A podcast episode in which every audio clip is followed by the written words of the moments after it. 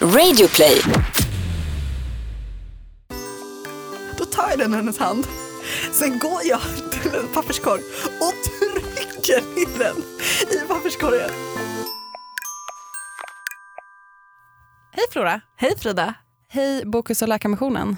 Tack för att ni eh, är våra partners. Bokus.com och läkarmissionen.se. That's right honey. Det absolut värsta jag vet är när man sitter med folk och de bara Alltså jag drömde en så sjuk grej igår. Alltså det är det värsta. Alltså jag, blir, jag känner hur det börjar krypa i min kropp. Jag börjar så här, titta på klockan och bara snälla. Alltså grejen med drömmar är att det är så här, personen berättar om någonting som inte ens har hänt. Nej, alltså det är så här, ja fine din, din hjärna är lite konstig, fine. Men så här, ah, couldn't fucking care less. Alltså jag vill styckmörda den som pratar om drömmar. Jag vet, det är så tråkigt. Och därför tänkte jag inleda med att berätta om en dröm jag eh, drömde för någon dag sedan. Skoj! Eh, men jag tänker att, men, men, eh, men det är inte så Kämpa, Flora. mycket det är inte så mycket drömmen i sig utan det är mer en så fascination av att så här, jag har ingen aning. För oftast med drömmar är det, så här, det är ett sätt för hjärnan att så här, processa saker som har hänt.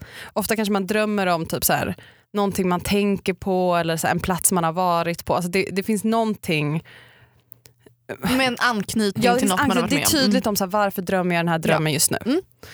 Den här eh, drömmen har jag ingen jävla aning om vart min hjärna har hämtat upp de här pusselbitarna. Och jag ska hålla det så kort som möjligt men jag tycker bara att det är sinnessjukt av vad ens hjärna kan koka ihop. Min dröm gick alltså ut på, jag drömde den här en, en, en hel eh, natt. Eh, och eh, så här. Drömmen går ut på att jag ingår i en rapgrupp. Eh, Redan det är det mest sinnessjuka för att jag är den minst swagiga, eh, softa, alltså det finns liksom ingenting i mig som har swag. Jag är stel. Eh, så jag ingår i en rapgrupp tillsammans, jag vet inte ens om jag ska säga rap eller rap, det, har, det är så morfigt. En sån här rapgrupp eh, tillsammans med typ tre andra personer varav en person är Snoop Dogg. Så det är jag, Snoop Dogg och en tjej och en kille till. Eh, det vår grej är, är att vi uppträder i isbackar. Så här, långa, långa isbackar där vi har skridskor.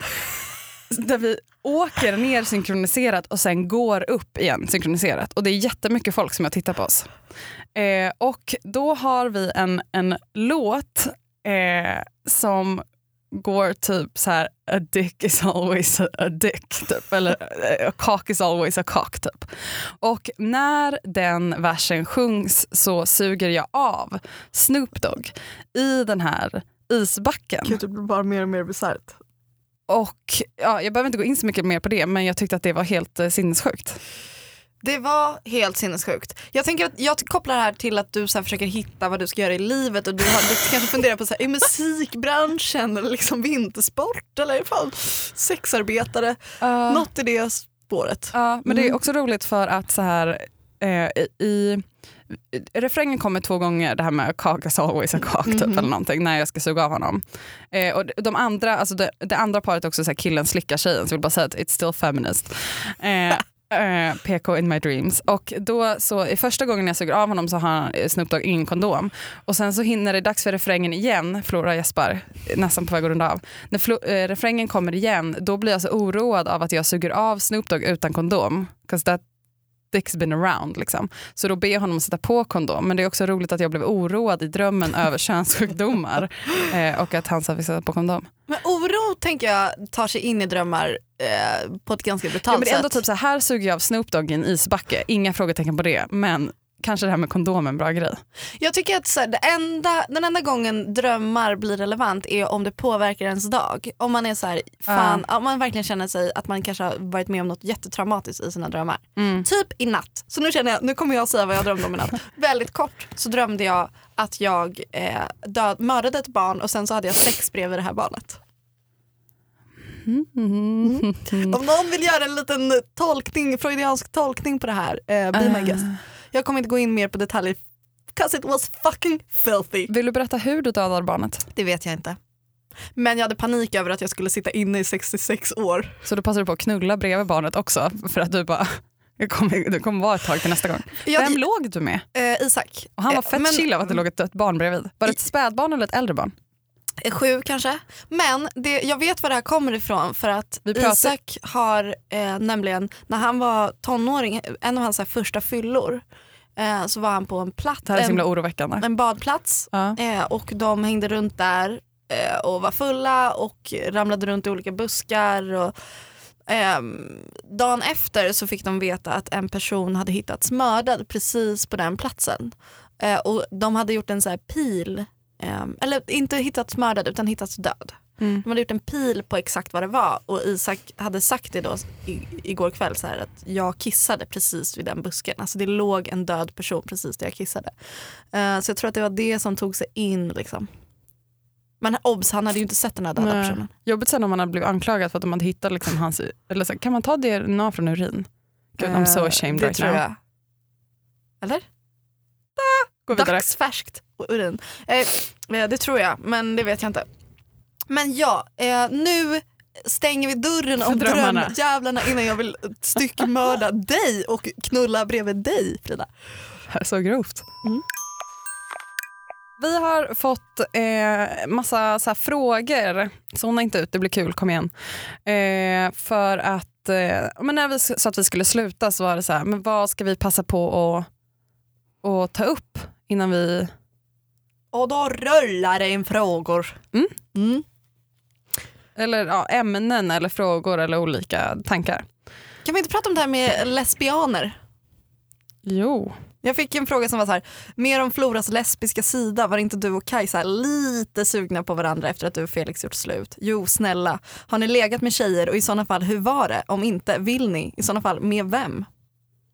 I, I ett par avsnitt sen så berättade jag att en av mina första hångel då var med min kompis, eh, tjejkompis och vi pratade om det här med att eh, typ ha sexuella encounters med sina kompisar men hela tiden bara så i sitt huvud tänka det här är bara en, en vänskapsgrej Mm. typ, fast man egentligen går igång på det och Mm. fattar, kan förstå att det här är också att man går igång på tjejer Mm.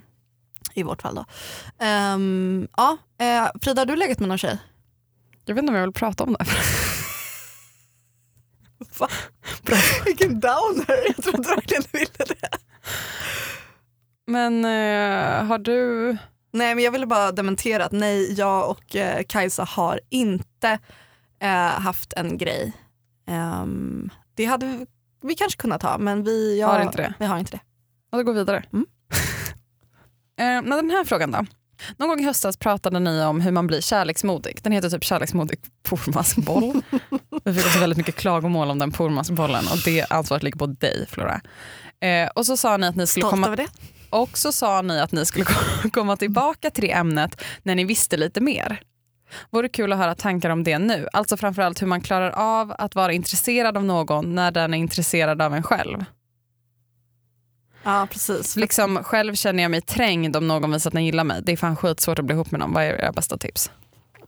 Ja, mitt bästa tips är att eh, liksom rationalisera det på så sätt att man fattar att de flesta människor får lite panik i början av en ny relation för att man förstår att det är mycket i ens liv som kommer ändras och det är läskigt. Även om det är många fina saker som kommer hända så vet man också att så här, det här, man ska ta in en ny människa i sitt liv. Eh, så att mitt, om jag ska ha ett tips så är det att så här, eh, lida igenom det. För att man kan komma ut på andra sidan och känna nu är jag så kär så jag inte vet vad jag ska ta mig till. Men att jag tänker att den här nervositeten och panikkänslorna inför att kanske bli ihop med någon eh, händer oss alla. Jag tycker att det är intressant att hen skriver att hen känner sig trängd om någon visar att den gillar hen först.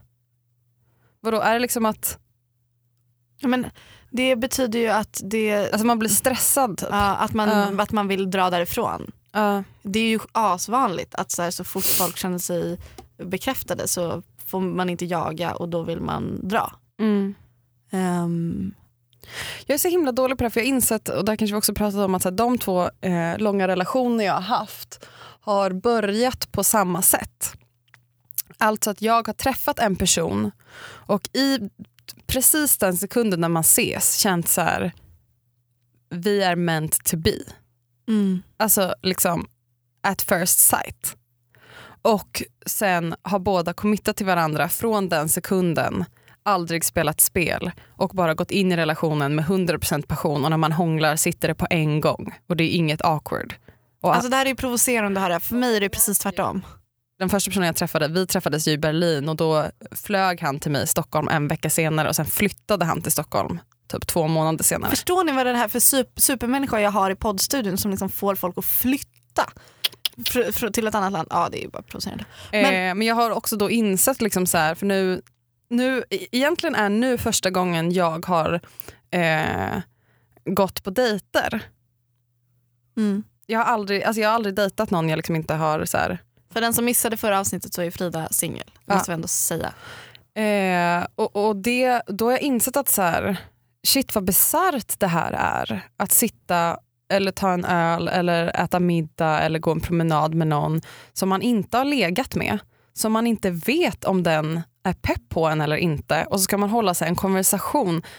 Eh, jag, jag, vill, jag har så mycket respekt för det här nu. Jag känner att jag har fått helt andra insikter och att jag har så här, gett så jävla dåliga råd för att de två relationerna jag har haft har liksom börjat på ett ganska sinnessjukt sätt och jag har typ liksom inte riktigt insett vad det innebär att vara singel och typ dejta personer som inte har gett upp allt för att vara med en på en sekund. Mm. Eh, så jag, jag känner väldigt mycket respekt och vördnad eh, för, för personer som dejtar. Men ja, när jag och Isak började träffas då var det ju ändå så att jag behövde ta det jävligt lugnt. För att jag kände mig inte kärleksmodig.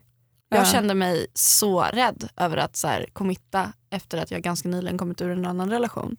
Men då var det han som sa till mig att så här, ja men fine, jag fattar. Det är härligt att vara singel, det är härligt att eh, det här är läskigt men ta inte det här på så jävla blodigt allvar. Vi kan väl vara ihop och sen funkar det inte så funkar det inte.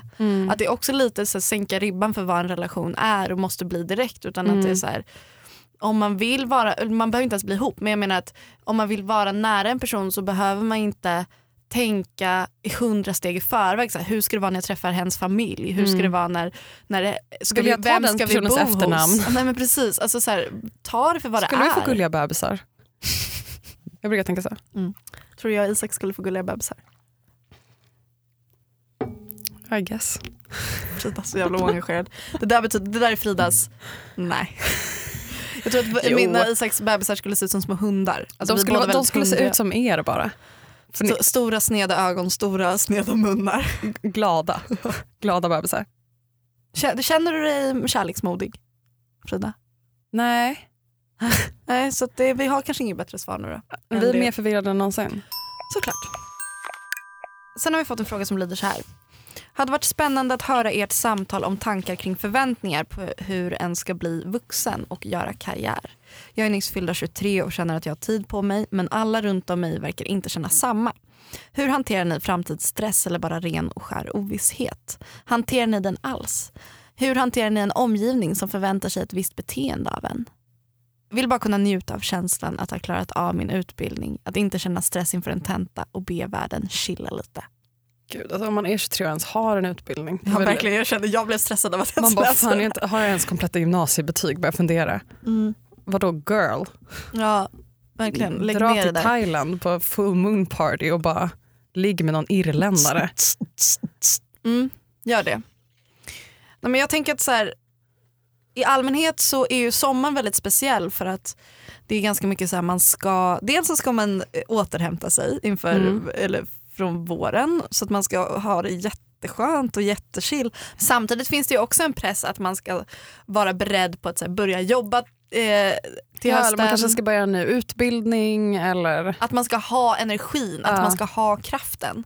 Och det stressar mig så mycket. Jag ligger där vid stranden. Känner efter, har jag kraft nu? Ja, har jag verkligen. kraft nu? Alltså, jag har precis börjat så här, må bra igen. Ja. Och nu ska, och så här, börjat så här, slappna av och inte tänka så mycket på jobb. Och nu, måste, nu vet jag också att så en del av mig måste börja så planera hösten. Fast det är Jag också får så här, ångest. vadå måste? Ja. Men ehm, jag, ju, jag vet inte om jag har sagt det men jag ska vara, i, jag ska vara utomlands en månad i höst och, eh, med Yrsa och skriva. Åh, vad härligt, vart då någonstans? Eh, vi vet inte riktigt. Vi eh, pratar lite om Valencia, eh, vi har också tittat lite på San Sebastian. Eh, vi vill vara någonstans där det är varmt eh, i. Europa tror jag. Så vi får se. Men det känns bra för då har jag liksom det som en grej. Sen så Mm. vet inte jag alls vad som kommer hända för mig till hösten. Mm. Mer än att jag vill verkligen skriva den här jävla boken. Ehm, Men jag... ehm, för mig är sommaren, eller så här, slutet på augusti eller någonting, det är mitt nyår. Mm. Jag känner mer, alltså på nyår säger så här, nu är det ett nytt år och man bara bla bla bla. Men jag, och, och då är det mer så här, en tanke om att så här, nu är det nytt år, vända blad. Mm. Men det, det är inte förrän sommaren, det är då jag så känner att det är så nu man på riktigt vänder blad. För man får en paus och man börjar tänka så här, vem ska jag vara i höst? Eller det är då som mitt riktiga nyår är på något sätt. Att Jag man får en ny start. Mm. Eh, för att det är en så lång paus. Liksom. Vadå, Mm. Man hinner inte pausa och reflect on life när man är typ ledig tre dagar mellan jul och nyår. Där man ändå är med släkten och bara ska krishantera. Jag håller med. Så det, det är på sommaren som är liksom det riktiga nyåret Vad känner sätt. du inför ditt nyår då? Eh, jag har ju varit eh, typ sjukskriven förutom att jag inte har varit sjukskriven. Eh, för, ehm, jag har ju varit, jag har ju inte jobbat ordentligt sen i mars typ. Eh, så att Mm, så att jag har ju haft ett sommarlov redan på något sätt men det har också tagit fram tills nu att jag har kunnat landa. Mm. Eh, så att jag har ju fått ett extra lång period av att fundera på vad jag ska göra och vad, vad jag vill göra och hur man ska gå vidare och bla bla bla. bla.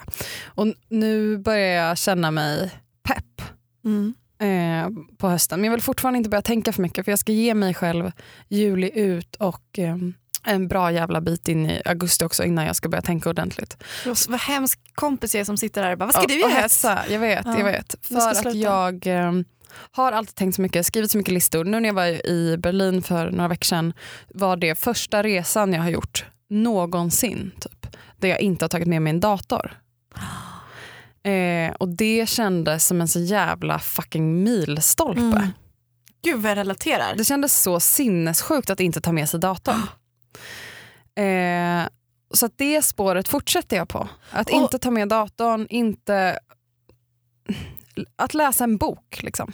Och det stadiet vill jag stanna i ett tag. Så jag försöker att inte planera så mycket mer än att jag börjar känna mig mentalt och eh, fysiskt och psykiskt redo för att eh, tycka att det känns kul att komma igång till hösten. Men jag vill inte tänka så mycket på det för då börjar jag ju komma igång redan nu. Liksom. Jag tar till mig det här. Det, här känns, det känns så skönt att bara, om du har gett dig den, den tiden då kan jag ge mig själv den tiden.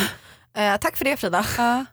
Nej men faktiskt, det är att jag överhuvudtaget säger jag borde börja tänka på hösten. Att man bara Då här, har man ju redan börjat jobba Ah, och det då så blir det redan dumt. höst. mm, precis. Nej, fan heller. Vad var det för frågan? Ja, frågan var hur hanterar man framtidsångest och ovissheten? Jag tycker att det är skitsvårt. Eh, Jag har haft extremt, extremt mycket framtidsångest och eh, prestationsångest och så här, vem ska jag vara, vad vill jag med mitt liv, hur, vad, hur ska jag...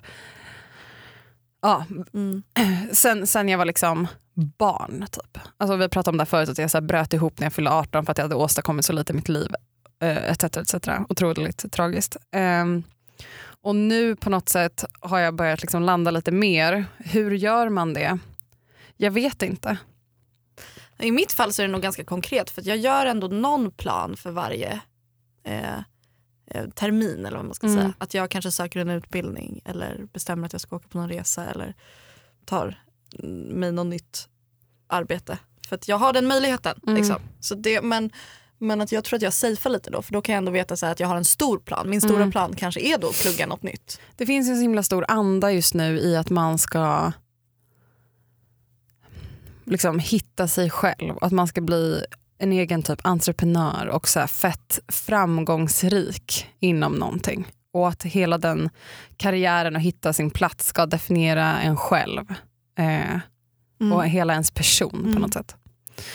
Det finns också en väldigt sjuk bild av att man ska hitta det här så himla ungt och att man ska ha liksom hittat sin grej och liksom, om man är intresserad av att göra film så ska man ha släppt sin första långfilm när man är 20 och vara ett underbarn. Liksom. Eh, och att det är så himla mycket stress att man ska ha kommit så himla långt så himla tidigt. Och den är så himla bizarr. För att många av de personerna som liksom är duktigast på vad de gör sen eller kanske trivs i vad de gör sen senare i livet det kan ta så himla lång tid att hitta dit. Mm. Och om jag känner mig stressad över mitt liv då brukar jag lyssna på, och det här tipsade om förut och jag har lyssnat på det här 15 000 gånger. Och det är Ernst Kirchsteigers Värvet-intervju. Okej. Den ska man lyssna på. För han har typ så här varit kock och typ så här målat lite och jobbat på Ikea och typ jobbat på något så här, em, eh, jobbat som vårdare på något hem och, och så vidare och så vidare. Och sen så började hans tv-karriär och att han började göra det han gör nu när han var 40. Mm. Ja, Och det finns en sån bisarr stress i vår generation. För andra tidigare generationer så är det ändå att så här, men folk var inte en blondinbella och drev tre företag när man var 20. Utan man tog det lång, lugnt och så kanske man jobbar lite så börjar man plugga senare. Kommer man in på universitetet så är det ju så väldigt många som är mycket äldre som pluggar eller som har pluggat i liksom 10 år. Är man 23 och ens har pluggat någonting och har en utbildning då har man ju liksom det är så himla lugnt. Jag tog en promenad med mamma häromdagen och då pratade vi om hur, hur hennes typ så här, utbildningsresa och typ så jobb, yrkesliv har sett Mm. ut. Och jag har ju vetat det i stora drag men hon jobbade som barnboksillustratör i 15 år och fick, hade ett väldigt så tidsödande maner vilket gjorde att varje bild tog otroligt mycket längre tid än vad som det var tänkt. Så att hon, Och vad hon fick betalt för Ja. antar jag. Ja men precis för det var inte timbetalning liksom, utan det var per uppslag. Mm. Så hon levde på stipendium och kämpade så jävla mycket med det och fick mer och mer prestationsångest. Och, eh, hon hade då när hon var i vår ålder, när hon jobbade med det här så tänkte hon liksom att jag ska vara bäst annars får det vara. Mm. Och det var också den tanken som skadade henne så jävla mycket. Och det sa hon till mig, så här, Flora vad du än gör, tänk inte att du måste vara bäst. Mm. Alltså för att det kommer inte vara bra i längden för du kommer bara sätta krokben för dig själv. Ja. Eh, och sen så när hon bestämde, när hon märkte att det går inte rent ekonomiskt, jag kommer inte kunna hå- hålla på med det här så bestämde hon sig för att eh, bli, jobba med trädgård. Och då på, mång, på en väldigt lång och krokig väg så började hon göra det och nu är hon trädgårdsdesigner och har massa anställda och bytte bana helt och hållet när hon var liksom 40. Ehm, och hon sa det, hon bara, skillnaden är att jag var så mycket mer ödmjuk inför att jobba med trädgård än jag var inför eh, illustration.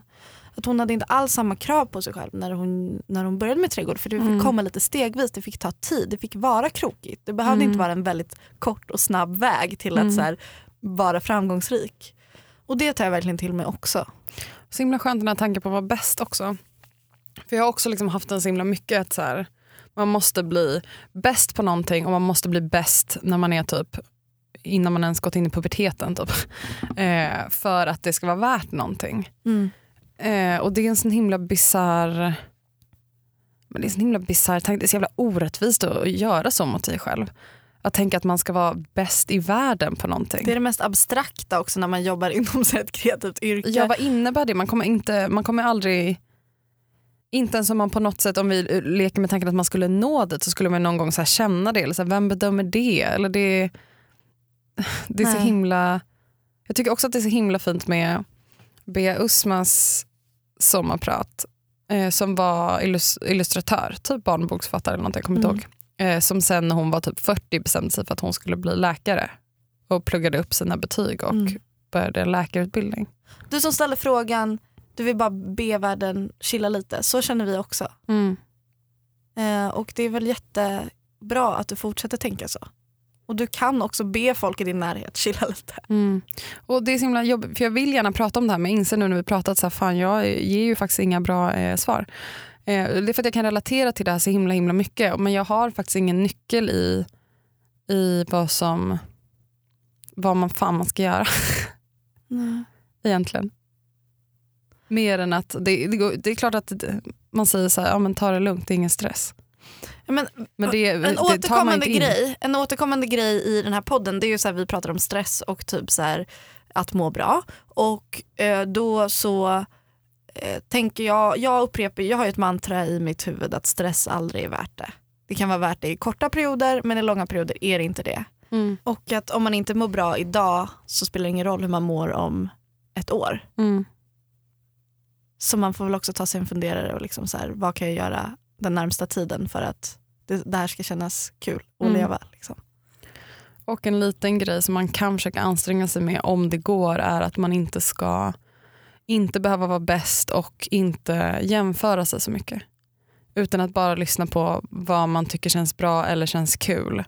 För Jag har också jättesvårt med det. Med, eller jag har jobbat som fotograf ett tag. Och det var ju enklare och roligare i början.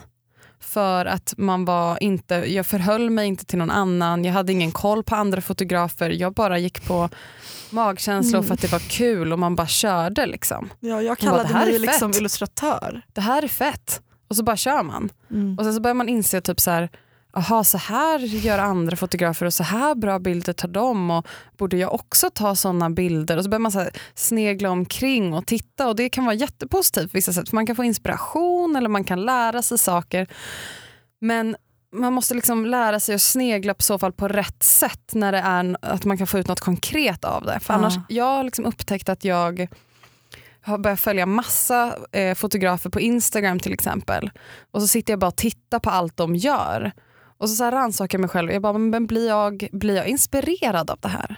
Bär jag med mig någonting av det här? Nej, för jag tittar på 5000 bilder om dagen. Det finns ingen möjlighet för mig att processa det här eller att ta någonting vidare. Det ger mig bara ångest. Mm. Jag tittar bara på massa bilder som jag inte har tagit som känns bättre än de jag någonsin har tagit. Och ehm, det är bara... Det ger mig ingenting. Så jag liksom börjar sätta upp regler för vad, vilka konton jag ska följa, när jag kollar, alltså hur jag tillåter mig själv att hämta typ inspiration. För man Mhm, Berätta mer. Nej, men jag satt liksom bestämmer typ så här, nu, de här, nu på en vecka ska jag, gå, kan jag gå in på Instagram om det är någon specifik profil jag vill gå in på. Typ om jag så här, mm, undrar vad Flora har lagt upp på sistone. Då kan jag gå in och söka och så går jag in på Floravis och sen så kollar jag vad du har lagt upp och så kanske man kommenterar eller likar. Eller om jag själv är sugen på att publicera en bild, då gör jag det. Men att jag inte tillåter mig själv att eh, scrolla i flödet. För där kan det gå tre timmar och jag har aldrig blivit lycklig av att säga, åh vad glad jag är att jag satt nu en timme och scrollade mitt flöde på Instagram. Vad skönt att jag gav mig själv den stunden. Har jag aldrig sagt till mig själv. Liksom. Utan det är bara att man så här, Nej, men det, väl, det går också att jämföra med typ, om folk har Pinterest som är Ja. en, en tjänst där man så sparar ner fina bilder typ, i Ja. olika mappar. Det är också det, jag kan känna mig så uppfylld av inspiration när jag har hängt på Pinterest. Men den stannar ju där också. mm, Alltså så här, även om jag kan få en liten kick av så här, gud vad fin, mycket fint. mm, Sen är det mycket av den kicken som också är en, det finns lite ångest i det. mm, Men det är också så här, när inspiration stannar i, i ett scrollande Mm. snarare än att man utövar det. Ja, att man verkligen får med sig någonting. Ja, det har gått någon typ av infra- alltså, det vore väldigt spännande att se en kurva över användningen av ordet inspiration Mm. över år. För det är väl någonstans här nu det bara så pikar. Alltså, att ma- folk ska bli så inspirerade och att man ska konsumera saker för att få inspiration. Alltså, och det, är, en väldigt industri. positivt laddat. Ordet inspiration är ju så här, Det är du, ska jättehärligt. du ska må bra, du ska Ja. få en kick men Ja. att det i själva verket oftast är tvärtom. Exakt. Om man, om man mår fett pissigt och så ska man gå in på en blogg där någon är check och tränar fett mycket och äter nyttigt och så ska man bli inspirerad av det. Eh, då får man fråga sig, blir jag inspirerad av det här eller är det liksom ett typ självskadebeteende? Tar man verkligen med sig en positiv känsla och inspiration från att jag loggar ut från det här kontot?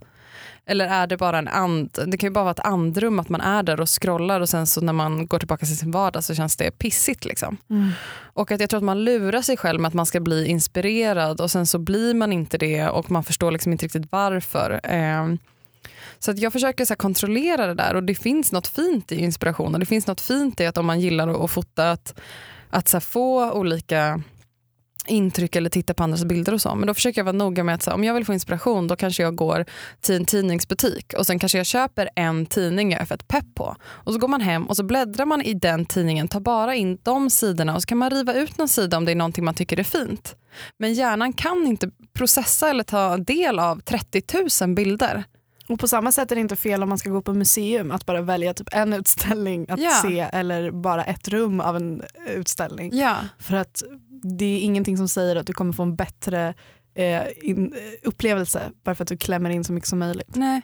Så jag tycker att man ska vara lite selektiv och snäll mot sig själv i Mm. att så här, av med den grejen. Mm.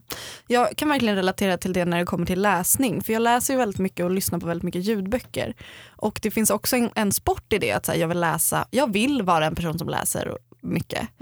Eh, Men att jag väldigt också kommer på mig själv med att så här, snabbläsa saker för att sen kunna slå ihop den och bara japp, då har jag läst en Ja, bok. Bra. av. Men det är ju väldigt Check. ineffektivt om man vill jobba som författare för då Mm. handlar det ju bara om att jag ska liksom ta in kunna, eller så här, förutom att det är en härlig upplevelse att läsa så ska jag också använda mig av det jag lär mig av att läsa Mm. i mitt språk och Mm. i mitt skrivande. Så det försöker jag också så här, ha en liten piska som är så här, nu läser du det här på allvar annars kvittar det. Mm. Vad läser du just nu? Eh, just nu så läser jag Störst av allt av Malin Persson Giolito. Men jag har just läst en bok som heter Väggen av Marlene Haushofer. Som är en eh, ganska så här, dystopisk berättelse om en kvinna som eh, är på ett fjäll med sina eh, kompisar och sen försvinner de iväg till ett värdshus och så går hon och lägger sig och när hon vaknar nästa morgon så är inte de där och hon går ut på fjället och så möts hon av en vägg.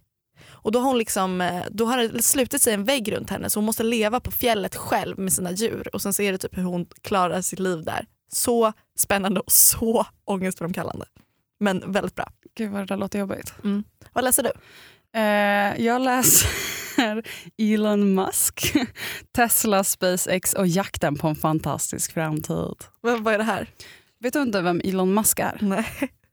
Aha, okay, men det är han som har grundat Tesla. Okej, jag trodde han hette Tesla. Ah, Det finns en som heter Tesla men han uppfann väl typ elektricitet. Åh nej vad pinsamt det blev. Okej, ja, fortsätt. På Bokus kan man hitta böcker som man kan lära sig så basic grejer om som man borde kunna. Säger jag. Och så sa jag att Tesla var elektricitet. Är det ens det? Det här är så himla pinsamt. Vi har så nystat in oss. enkelt eh, Läsa mer böcker. Ja, och det här är väldigt bra för det finns en hashtag också som heter det finns alltid en bok. Där kan man ju då eh, läsa om Tesla kanske. Ja. Ehm, ja, och grattis till Bokus som har 20-årsjubileum, eller hur? Hipp hipp hurra för bokus.com. Precis innan vi möttes upp här utanför studion så kom jag från Gröna Lund. För att min lilla syster Eloise har fyllt fyra år och som present så skulle jag då ta henne dit. Det är så hon- bisarrt att du har hunnit vara på Gröna Lund. Jag hann vakna, äta frukost och komma hit.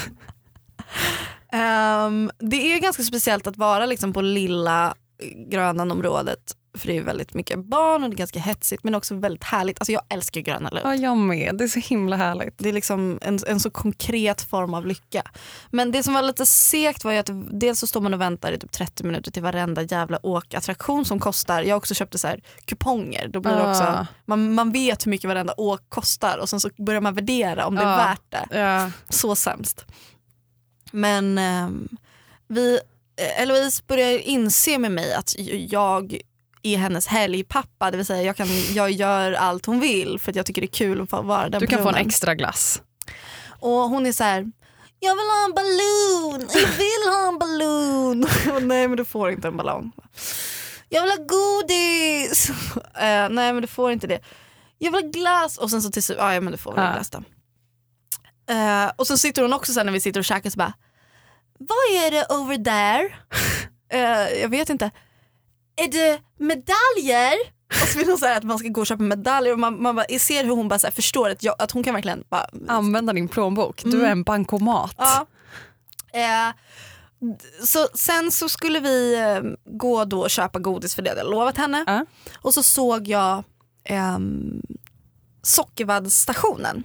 Och jag som tänker mycket bild tänker att det här är en bra Instagram. Ja, Jag tänker jag vill hellre att min lilla syster ska äta sockervadd på Instagrambilden än att äta godis. Ja, jag förstår.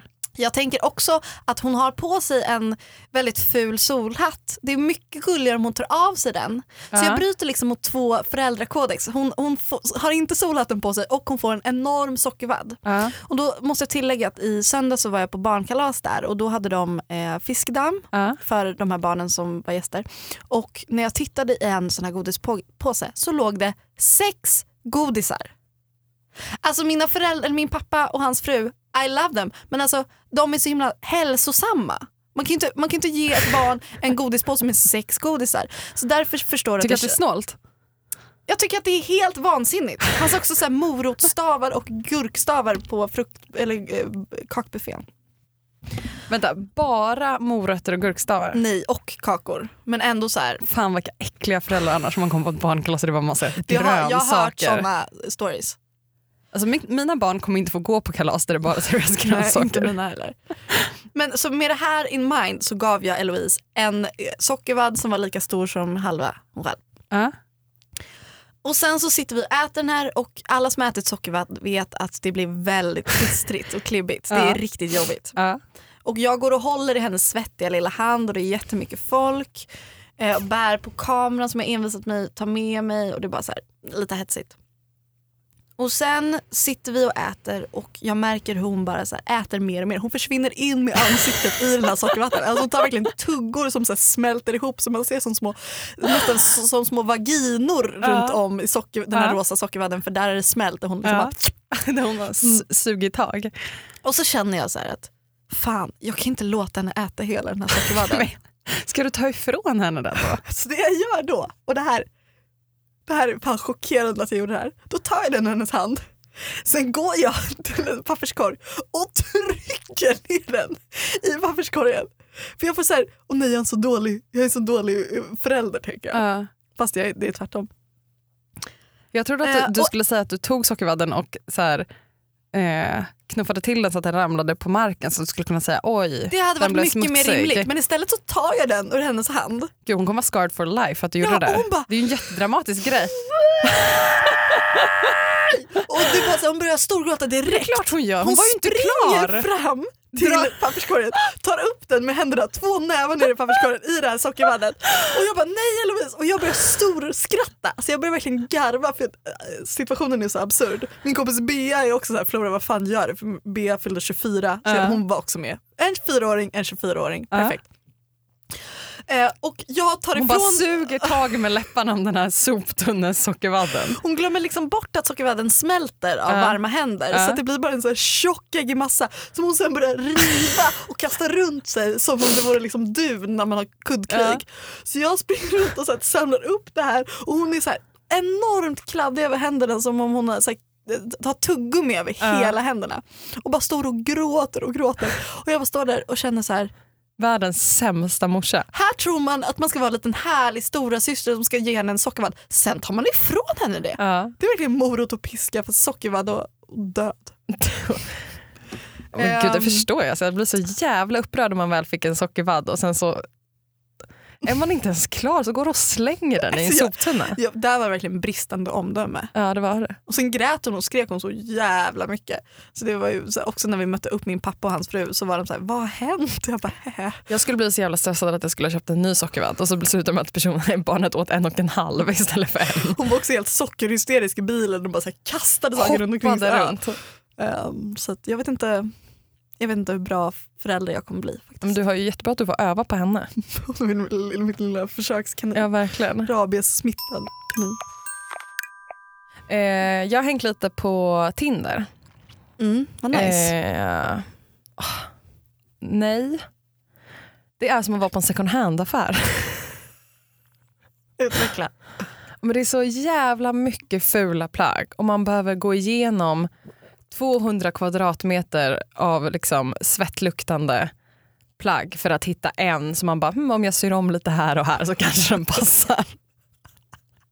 Det är verkligen så Ja, det, det är känns. exakt så. Alltså jag satt och kollade på tre avsnitt av Keeping Up with the Kardashians. Ett avsnitt är kanske 40 minuter. Det betyder att jag kanske la tre timmar.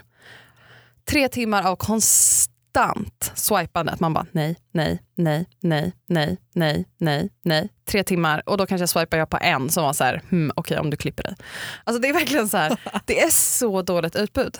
Jag pratade med en kompis om det här och hon sa att det var för att jag lite missade den första Tinder-boomen och att det nu har blivit så mycket liksom, Tinder-par att det är lite urfiskat. Aha, så de... Jag vet inte om det stämmer. Jag testade lite. Fast vadå, folk gör ju slut hela tiden. Jag tänker att det kommer nya. Jag tror kanske. fan inte på det där. Nej. Däremot så kanske folk har tröttnat lite på Tinder för det är Ja. många som hållit på med det och bara okej men det utmynnar väldigt sällan i någonting. Ja, I vissa fall så blir folk ja. jättepariga. ja men det var ändå så himla, för jag var ändå lite så här pepp att så här, okay, men nu får man swipa lite. så inser man att det är bara så jävla mycket bottennapp. Och man bara längtar efter den där snygga killen i trean ska komma upp. Ja, Som jag man vet. spannade in när man gick ettan på gymnasiet. Och... Jag fick en sån. Ah, härligt. Det var en, en, en kille som var liksom en av de så här snygga killarna på gymnasiet som, eh, som jag matchade med. Eh, som bara, vi borde ses typ. Och då Tänk kände om så här, här, Frida, 15 år, hade vetat om det det, är det här. jag kände, för jag kände så här, fan vill jag gå på den här dejten? Är han så snygg? Typ inte, men jag kanske borde göra det här bara för så här Frida 16 år. Ja, vad fint. Får- jag kan återkomma om det blir någonting. Ja, please do. Men, men då titt, går man igenom alla de här Tinder-profilerna och det är ju vanligt att man säger okej alla typ håller in fisk och så vidare. Eh, men så har jag liksom scrollat lite och man får en så himla skev bild av vad eh, killar i Stockholm sysselsätter sig med efter Mhm. Tinder. Det, det som har chockat mig att det känns som att av killarna på Tinder så är typ 50% jobbar inom militären. Mm, verkligen. Man bara vadå hur kan det vara en kris för Sveriges militär? Alla verkar vara militärer. Vet inte vad de snackar om. Och 50% av killarna jobbar på Joe and the Juice. Åh nej. Alltså hur, jag, har inte ens fattat hur, jag har inte ens förstått hur många, hur många det känns som att Joe and the Juice employar 90% av killar åldersspann 22 Alltså, till 29. Jag, jag får på fullaste allvar en hel rysning som går genom kroppen. Alltså, du förstår inte hur många som killar. jobbar där. Yxan kommer fram nu igen. Det Styckmördar är, dem allihopa. man bara, hur svårt kan det vara att hitta en person som inte typ gillar att skjuta med vapen eller som inte blandar juice? Det är så himla låga krav. Ja. Jag vill säga en sak. Flora, jag vet inte riktigt om du vet att det här med att podda går ut på att man ska turas om och vilja säga en sak. Vilken tur. Så det är helt, du är helt rätt forum för att vilja säga en sak. Mm, jag vill säga så här att jag vet att det är sommar. Jag vet att eh, man inte man lämnar datorn hemma. Men jag vill ändå eh, uppmuntra alla att läsa min blogg. Jag vet att jag pratar ofta om Instagram i, eh, i podden men jag vill att ni läser min blogg. Florasblogg.se. Jag uppdaterar varje dag.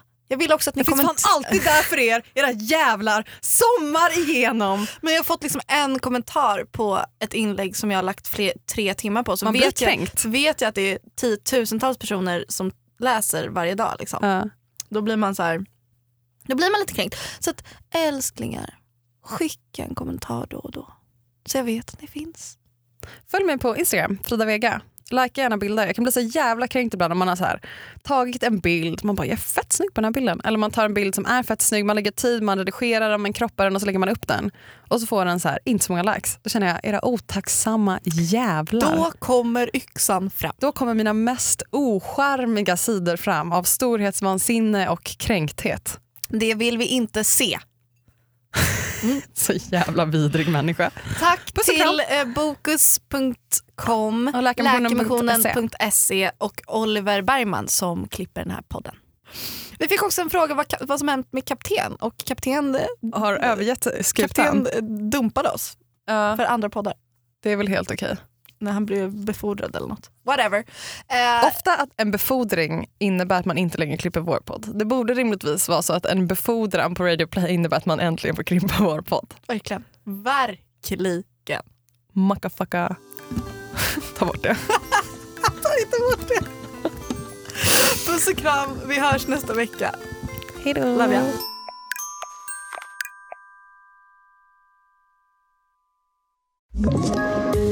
Ett poddtips från Podplay. I fallen jag aldrig glömmer djupdyker Hasse Aro i arbetet bakom några av Sveriges mest uppseendeväckande brottsutredningar.